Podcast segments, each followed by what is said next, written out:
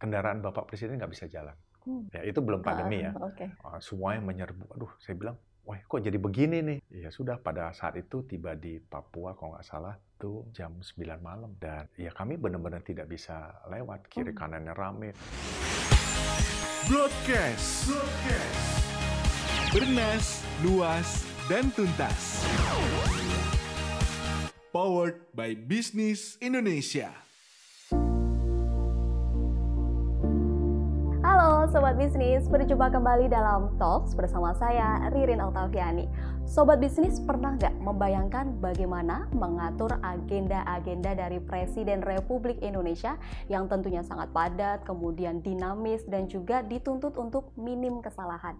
Tentunya hal tersebut adalah bukan hal yang sederhana, tapi di balik itu semua ada peran dari Kepala Sekretariat Presiden untuk mengatur semuanya. Dan saat ini saya sudah bersama dengan beliau, yakni adalah Kepala Sekretariat Presiden Bapak Heru Budi Hartono. Apa kabar Pak? Apa kabar Mbak Riri? Kabar baik Pak. Pak ini kan jika diperhatikan ini kan eh, pandemi COVID sudah mulai pulih, terus kemudian diperhatikan juga agenda dari Presiden Joko Widodo juga sudah mulai kembali seperti semula. Kemudian melakukan kunjungan kerja, bertemu dengan rakyat Indonesia, kemudian juga melakukan rapat koordinasi dan juga eh, menghadiri peresmian-peresmian secara langsung. Kemudian bagaimana Pak kegiatan dari Pak Heru sendiri? Ya, tentunya yang pertama terima kasih atas seluruh doa masyarakat Indonesia. Kita bisa mulai kembali pulih beraktivitas dan itu berpengaruh terhadap eh, kami di Sekretariat Presiden untuk mengatur eh, kegiatan-kegiatan Bapak Presiden.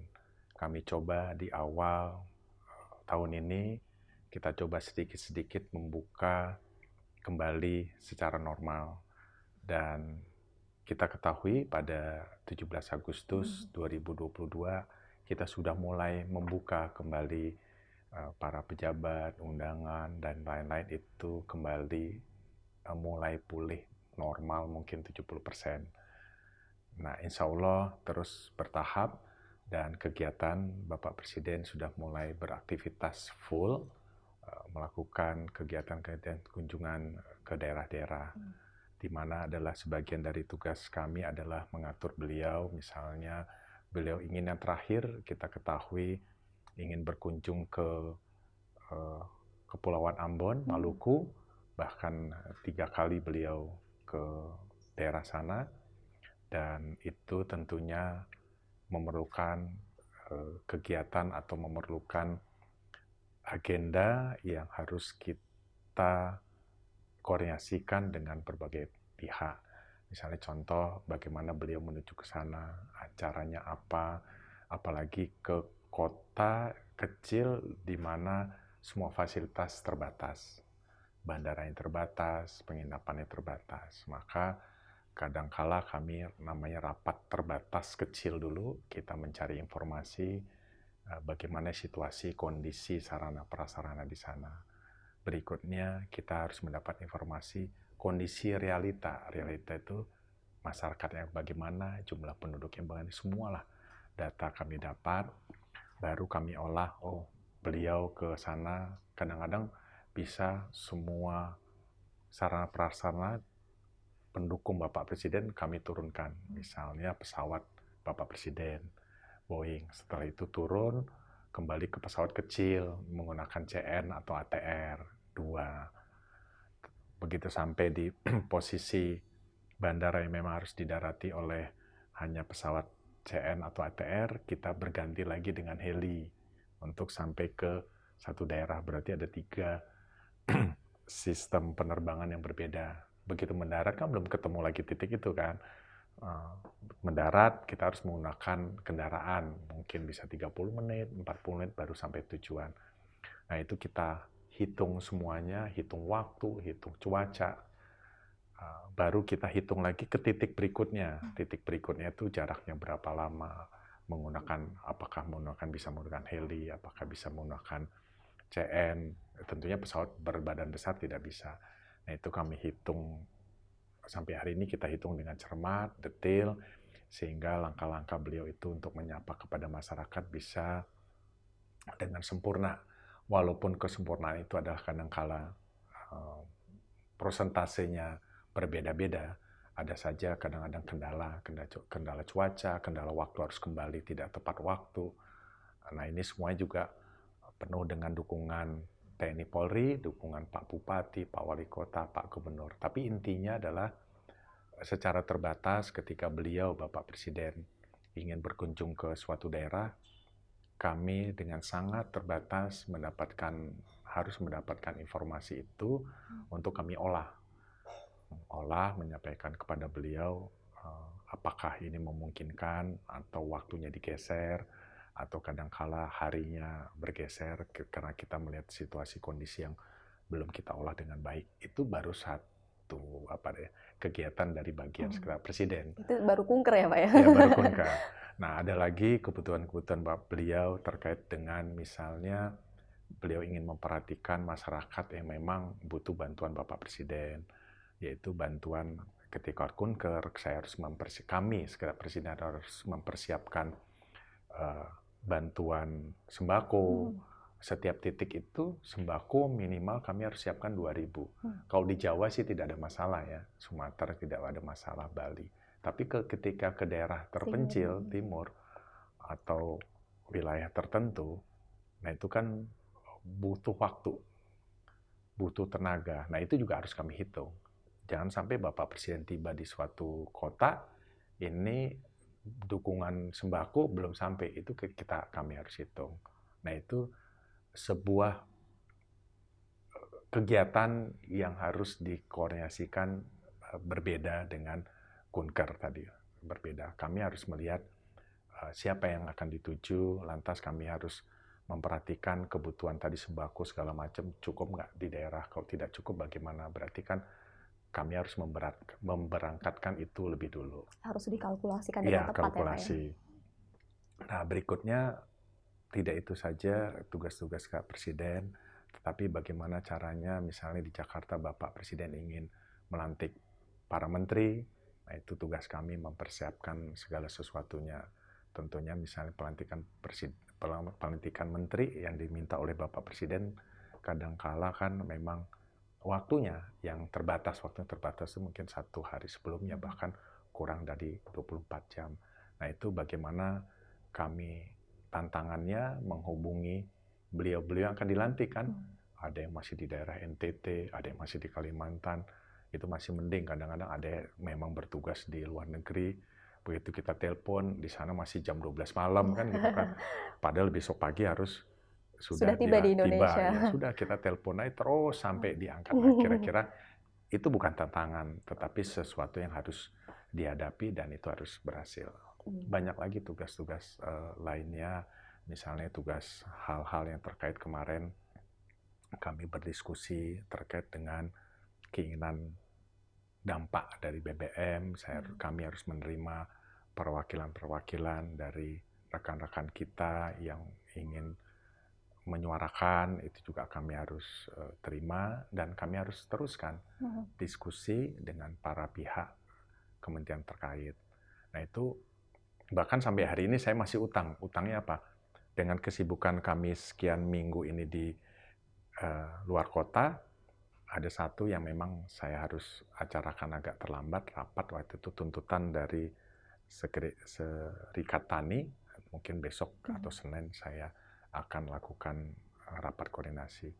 Biasanya saya tidak pernah luput dari kegiatan dan semua saya pimpin rapat hmm. untuk memastikan semua kebutuhan Bapak Presiden, semua langkah Bapak Presiden itu harus sempurna. Hmm. Jadi kadang-kala sehari bisa tujuh kali rapat dari pagi jam 8 kayak seperti hari ini hari Jumat. Nanti setelah wawancara ini masih ada lagi masih ada apa lagi. Jadi ini di sela-sela kesibukan Pak Heri keberuntungan kita bisa bisa bertemu. ber, berdiskusi. Kadangkala uh, sambil makan siang itu kita berdiskusi terkait dengan tugas-tugasnya itu memang tuntutan yang harus kami lakukan dan ya bahagia aja, bahagia. senang aja kira-kira seperti itu. Pak, ini kan memulai tugas di uh, Istana Presiden ya. sendiri uh, mulai 2017 hingga ya. saat ini, Pak. Kesan pertama waktu ke, uh, itu um, menuju ke istana sendiri seperti apa, Pak? Yang pertama rumpunnya sebenarnya hampir sama ketika saya di Balai Kota Rumpun, tetapi ini lebih besar, lebih nasional, langkahnya lebih jauh kan. Kalau dulu saya mengurusi terkait dengan ini masih sekitar DKI Hmm, Jakarta. DKI Jakarta. Nah, begitu saya tiba di sini 2017, tepatnya Juli lah, 19 Juli 2017, eh, saya berpikir yang sangat rumit itu adalah ketika dukungan transportasi. Mhm. Dukungan transportasi adalah yang tadi saya sampaikan. Naik pesawat Boeing besar, mendarat pesawatnya agak lebih kecil lagi, ATR, terbang lagi. Kalau ketika kecil itu kan orangnya kita harus atur. Mhm. Ada, mana yang harus ditinggal di bandara itu, mana yang harus ikut terbang dua. Begitu turun di satu tempat, pindah lagi lebih kecil lagi, heli tiga. Itu kan orangnya berkurang. Itu kan saya waktu itu ber- berpikir, wah ini sesuatu yang harus saya cermati Hmm. dan tidak boleh saya delegasikan rapat-rapat ini kepada eh, jajaran saya. Maka saya tertanam di hati saya bahwa ini harus sempurna, saya harus atasi dan semua saya harus pimpin rapatnya. Dan sampai hari ini alhamdulillah hanya satu dua lah ketika ada halangan masih saya masih di luar kota harus mimpin rapat itu saya delegasikan. Tapi sangat jarang sih dari 2017 sampai hari ini Mhm. Saya selalu langsung memimpin rapat itu sehingga saya tahu kekurangan di wilayah. Hmm. Saya tahu apa yang saya kami dari pemerintah pusat harus support. Kan pemerintah daerah juga ada keterbatasan. Misalnya Pak, Bapak Presiden akan tuju ke satu tempat, tapi jalannya tidak memungkinkan untuk digunakan oleh kendaraan Bapak Presiden. Kendaraan keras artinya kendaraan yang anti peluru. Jembatannya, nah itu saya langsung berkoordinasi kan kita harus support juga pemerintah daerah untuk kelancaran uh, acara Bapak Presiden. Ya sudah, saya hubungi Kementerian PU, menghubungi teman-teman lainnya untuk supaya kadang-kadang TNI Polri bisa membantu dengan cepat membangun jembatan dan lain-lain. Itu kita harus pikirkan kan itu sekian ton kan. Memang bisa dilalui sih pakai kendaraan biasa, tapi ketika kendaraan Bapak Presiden melewati kan tonasenya melebihi dari kendaraan umum. Awalnya saya berpikir seperti itu, sehingga saya tertanam di hati saya, ya saya harus mimpin sendiri. Kira-kira seperti itu. Jadi ta- dari tadi Bapak selalu eh, mengucapkan untuk memimpin sendiri gitu kan Pak, untuk memanage sendiri gitu kan Pak. Tentu ada perhatian-perhatian selain tadi eh, transportasi, cuaca dan jalanan dan lain Ya. sebagainya begitu kan Pak. Sudah kemudian melakukan inovasi-inovasi apa Ya. saja Pak? Eh, di 2017 itu sebenarnya yang kecil-kecil tetapi ternyata pengaruhnya Mhm. besar. Saya melihat ketika awal saya duduk sebagai SK Presiden, saya meminta setiap acara Bapak Presiden harus ada bendera merah putih. Hmm. Awalnya kan tidak ada ya, Ya. bendera merah putih kiri kanan. Kenapa? Rasa nasionalis yang kita timbulkan, kita menyintai negara kita, dan juga kita menunjukkan kepada negara lain ya bahwa inilah bendera kita, inilah nasionalis, inilah Indonesia kan Bapak Presiden ke Aceh ke mana-mana. Nah itu awal saya minta. Tadinya sih teman-teman di sini bilang, wah Pak, kalau bendera lima kiri, lima kanan berarti 10. Ada tiangnya, ada tempatnya kan. Ya saya bilang minta bantu wilayah, itu satu.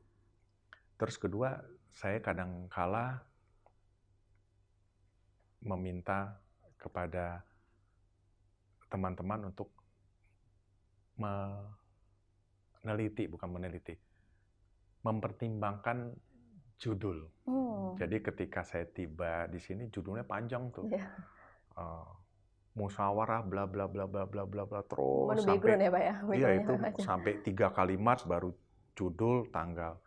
Eh, saya bilang eh, di salah satu kementerian Pak Dirjen kita aja yang bikin judul nggak hafal. Judul singkat aja, Hmm. setempat judul satu kalimat. Nah itu eh, makin lama makin eh, berubah. Lantas menjelang Bapak Presiden melakukan keliling Indonesia itu tahun 2019 kami merubah tata tempat. Hmm. Tata tempat itu biasanya di sekeliling Bapak Presiden, Menteri. Nah, Bapak Presiden juga minta dan tentunya kami juga bersepakat di sekitar Bapak Presiden itu bukan para menteri. Kan kalau para menteri tiap hari bertemu dengan presiden. Ratas-ratas ya Pak Iya. ya? Nah, masyarakat yang jarang bertemu, Oh. akhirnya kiri kanannya adalah masyarakat tokoh-tokoh setempat. Ya kan bisa dilihat Bisa kiri dilihat. kanannya. Pak, tapi eh, soal masyarakat, Hmm. ya, selalu Pak Presiden Jokowi itu ingin dekat dengan rakyat ketika kunjungan ke daerah secara langsung gitu kan. Lantas bagaimana kemudian melakukan pengaturannya supaya Pak Presiden juga tetap aman tapi juga tetap dekat dengan rakyat?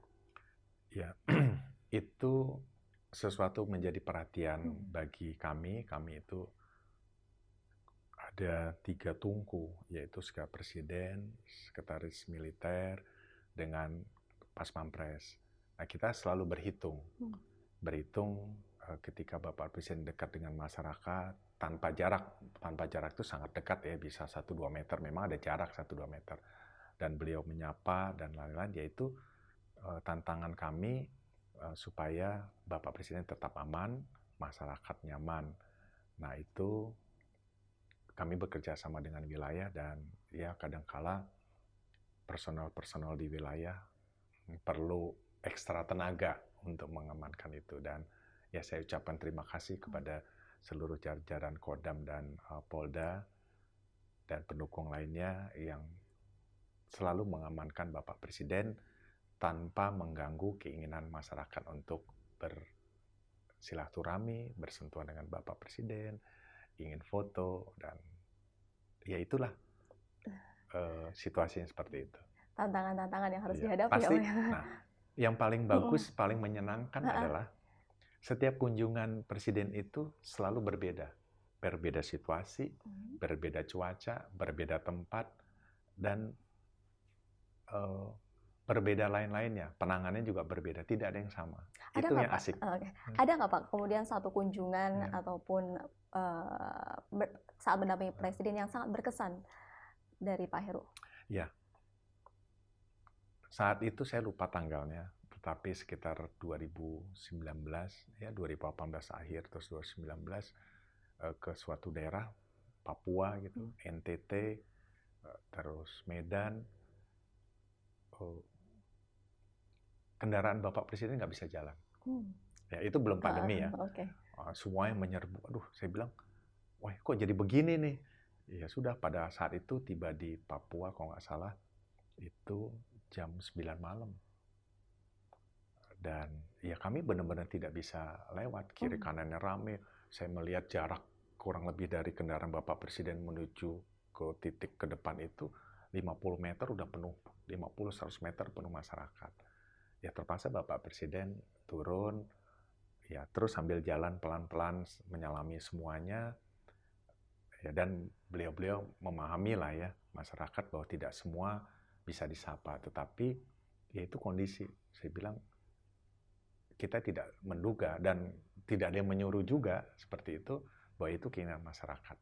Dan waktunya jam 9 malam masyarakat ada. Begitu juga di NTT begitu juga di Kalimantan dan beberapa daerah lainnya.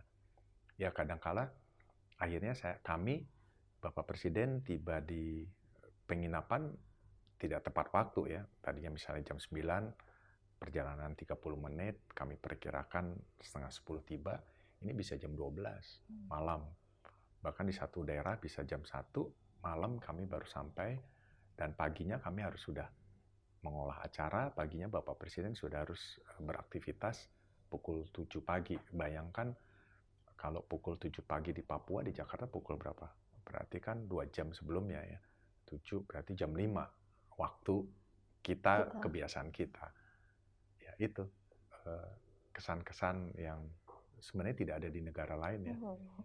Bahkan suatu hari saya ditanya dengan selevel saya sekitar presiden tetapi ada dua negara Eropa bertanya dia Pada saat kunjungan ke luar ya negeri. ke luar negeri ngobrol gitu ya ya kira-kira kalau di bahasa Indonesia kan saya ngelihat anda aja pusing Hmm. katanya saya bilang pusingnya bagaimana saya melihat anda dengan presiden anda aja pusing pusingnya apa ya tadi berganti pesawat, Hmm. berganti mobil, belum sampai tujuan. Terus kalau di negara saya paling jauh paling perjalanan darat dua jam udah nyampe dan eh, pakai kendaraan darat sudah Oh, iya. selesai Karena atau pakai satu heli. wilayah Indonesia Ya. ya Pak ya. Nah, terus saya bilang itu tidak ada di negara Anda.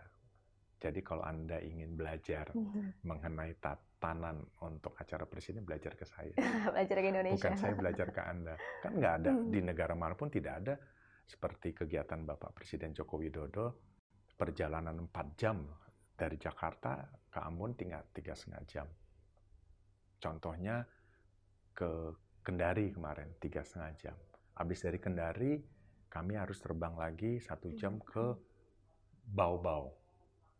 Menginap besok paginya pakai pesawat yang sama bergeser ke kota lain ATR ya terus bergeser lagi pakai heli. Nggak ada di negara lain kecuali di negara kita yang kita cintai. Nah itu menandakan bahwa negara kita sangat luas. Perjalanan tiga jam aja masih nyampe baru sampai. Tapi kalau di Eropa perjalanan tiga jam tuh udah sampai ke mana tuh? Eh, dari Italia udah sampai ke Belanda kan gitu kan. Dari Belanda udah melewati berapa negara tiga negara empat negara mendarat. Mendarat, ya. kita empat jam baru sampai di suatu kota di daerah masih Republik Indonesia. Artinya negara kita negara besar negara yang sangat luas yang memang harus kita jaga kita cintai Iya benar sekali Pak. Pak, tapi kalau seandainya kita saat ini eh, era keterbukaan informasi gitu kan, tentunya juga Pak Presiden menginginkan keterbukaan juga. Lantas bagaimana eh, peran dari Sekretariat Presiden untuk kemudian juga turut serta mengcounter isu-isu yang sangat eh, contohnya yang kemarin adalah isu BBM, kemudian ada Biorka dan lain Iya, sebagainya. yang pertama isu BBM yaitu menjadi sesuatu yang realita yang memang harus diatasi dan beberapa kalau pendemo ya kami terima, saya terima, saya catat, catatan mereka saya terima, kami koordinasikan dengan eh, kementerian terkait dan direspon. Seperti kemarin Kementerian Tenaga Kerja, saya bilang ini beban, saya harus teruskan ke bapak-bapak sekalian, pointersnya adalah ini ini. Eh, Mereka segera merespon, mengundang eh, serikat pekerja yang terkait. Ya mudah-mudahan ada hasil ya. Eh, Minimal minimal apa yang mereka minta itu kita respon. Berikutnya yang kemarin serikat tani itu ada tuntutan mengenai tanah di mana saya lupa Pak Asikin atau Pak siapa menuntut Pak saya sudah puluhan tahun di sini kenapa diaku oleh eh, lembaga eh, BUMD tertentu nah itu kan kita harus ya kalau memang benar ya kita harus berikan haknya kepada rakyat kira-kira Jadi aspirasi-aspirasi ya dari rakyat kemudian juga diteruskan lagi Iya. baik Nah, kepada terkait dengan isu eh, sistem apa namanya IT kami di Presiden tentunya kan kemarin sudah ada komentar dari BSSN, Kominfo, tetapi saya yakin di Sekretariat Presiden itu insya Allah tidak bisa dihack. Nah, kira-kira seperti walaupun ada mungkin hanya judul. Saya yakin yang kemarin ribut itu kan ada surat dari BIN kepada Bapak Presiden isinya eh, terhack gitu ya. Saya, saya yakin sih enggak. Karena eh, kami ada hal-hal tertentu itu yang bisa mengetahui ya kami Bapak Presiden dan BIN. Saya yakin sekali lagi itu isinya tidak tidak eh, terambil lah kira-kira. Pak, nama Pak Heru eh, sedang diperbincangkan nih Iya. Pak, masuk dalam bursa untuk PJ Gubernur DKI Jakarta. Tanggapannya seperti apa Pak? Hmm. Begini, kadangkala masyarakat itu atau pihak-pihak tertentu tidak bisa membedakan antara PC dan PLT. Nah, PLT adalah kegiatan di mana seseorang itu adalah ada berhalangan, mengundurkan diri, dan cuti atas tanggungan negara dan seterusnya, atau meninggal dunia itu PLT. Kalau PJ itu adalah sesuatu yang ditugaskan PJ Gubernur itu adalah uh, tidak terkait dengan kriteria-kriteria PLT dan PLH. Maka dari itu dikuncingkanlah oh, PJ Gubernur khususnya DKI. Nah, tanggapan saya adalah ya kita serahkan kepada Bapak Presiden, kita serahkan kepada alam semesta. Uh, ada kandidat-kandidat yang cukup baik, semuanya adalah uh, sangat baik di bidangnya. Ya kita tunggu pilihan Bapak Presiden, pilihan alam semesta pasti memilih kandidat yang terbaik dan itu kita serahkan aja. Toh saya masih bertugas sebagai kepala staf iya. presiden. Tapi kalau kita uh, kilas balik nih Pak perjalanan karir dari Pak Heru sendiri untuk mengurus DKI Jakarta sendiri kan bukan sesuatu yang baru gitu kan. Mungkin bisa diceritakan sedikit tentang ya. bagaimana kilas balik untuk mengurus DKI ya. Jakarta. Hmm. Saya berkarir dari muda dari awal adalah berkarir di pemerintah Provinsi DKI Jakarta tahun 92 sampai dengan 2017. Setelah itu saya bertugas di istana. Nah, banyak pengalaman-pengalaman saya ketika 92 sampai 2017, khususnya saya ditempatkan di wilayah Jakarta Utara yang kata teman-teman rekan-rekan saya yang sekarang sudah menjadi pejabat di DKI uh, tidak ingin bertugas di wilayah Jakarta Utara hmm. karena banyak tantangan, uh, semua masyarakatnya luar biasa dan uh, perlu perhatian khusus. Nah itu saya ditempa di wilayah itu dan banyak juga tugas-tugas yang pernah saya lakukan, misalnya kalau Mbak lihat ada namanya revitalisasi Kali Angke, banjir kanal barat, kalau Mbak sekarang selalu ke bandara, uh mm-hmm. -huh. dilihat sebelah kanan sudah bagus, kalinya sudah lebar, dan tamannya sudah bagus itu ya itu saya berkecimpung di bidang itu. Nah berikutnya adalah uh, penataan-penataan lainnya. Sebagai contoh uh, saya ketika di wilayah Jakarta Utara juga ya sekarang uh, terbangun sebuah stadion oleh Pak Gubernur yang sekarang dan itu penuh dengan sejarah di mana kami juga pernah melakukan law enforcement di sana. Dan ketika saya menjadi wali kota, saya ingat tugas yang diberikan oleh Pak Gubernur saat itu adalah Pak Joko Widodo. Ada tiga. Yang pertama adalah menyambungkan tol Cakung Celincing yang sudah diklaim oleh JIK, batas waktunya sudah lewat segala macam, kena denda, dan itu terbengkelai sekian waktu dan itu saya selesaikan. Begitu juga menyelesaikan uh, pe penanganan banjir, menyelesaikan sebagian penertiban waduk fluid, revitalisasi. Yang berikutnya adalah menjelang pemilu 2014, wilayah Jakarta Utara harus aman. Hmm. Tiga itu dalam 8 bulan saya kerjakan lakukan, ya Pak ya? Saya, saya kerjakan tidak ada siapa-siapa saya di Jakarta, pemuda DKI ya saya harus kerja, kerja dan kerja keras, ikhlas apa pun yang ditugaskan oleh pimpinan, oleh negara ya saya jalankan. Kira-kira seperti itu. Dan saya sekarang di sekat presiden ya banyak perubahan-perubahan mengenai tatanan tata cara Bapak Presiden, bahkan infrastruktur di istana ini uh, sejak tahun 1952 belum pernah diperbaiki, direnovasi, kami kami lakukan uh, perbaikan-perbaikan itu. Juga termasuk uh, saya di kembali di DKI pada saat saya kepala BPKD uh, saya menetapkan sistem cashless ya. Tidak ada uh, proses pembayaran itu menggunakan uang cash cashless. Nah begitu saya tiba di sini saya lakukan itu termasuk juga pembayaran kendaraan, eh, pembayaran BBM terhadap kendaraan operasional itu menggunakan RFID. Di DKI sudah uh, dilakukan. Hmm. Nah ini juga saya lakukan uh, sehingga uh, efisiensi bisa berjalan dengan baik.